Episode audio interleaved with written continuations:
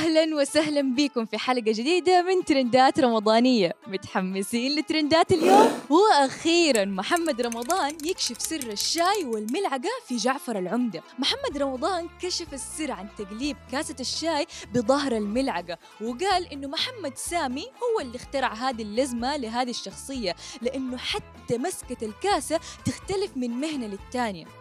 وطريقة جعفر في مسكة الكاسة والملعقة بتوحي كثير إنه شخص عملي وسريع. فيبغى يقلب الشاي بسرعة ويمسك الكاسة ويسيبها في أي وقت عشان شغله ودي كلها تفاصيل مهمة.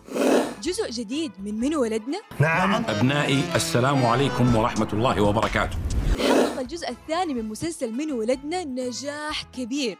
وكثير تكلموا عنه في مواقع التواصل الاجتماعي. وقالوا كمان إنه بيمثل عودة ناجحة. وكان في تفادي واضح للأخطاء اللي ممكن إنها تصير في أعمال بيكون فيها أجزاء ثانية. لكن هل تتوقع إنه راح يكون في جزء ثالث؟ للآن ما تم الإعلان عن أي شيء من قبل صناع العمل. بس أكيد كلنا متحمسين نشوف جزء جديد.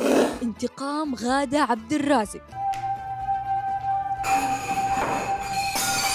أثار مسلسل تلت الثلاثة للفنانة غادة عبد الرازق جدل كبير خصوصا بعد ما انعرضت الحلقة الجديدة اللي كان فيها انتقام غادة عبد الرازق من زوجها واللي انتقمت منه بسبب خيانته ليها. كمان قتلت شقيقتها التوأم وطريقة الانتقام حازت على إعجاب كبير في منصات التواصل الاجتماعي بسبب ذكاء التخطيط وانتقامها. قل لنا عجبتك الحلقة؟ وبكده وصلنا لنهاية حلقتنا اليوم أستنونا الأسبوع الجاي في حلقة جديدة وترندات رمضانية مختلفة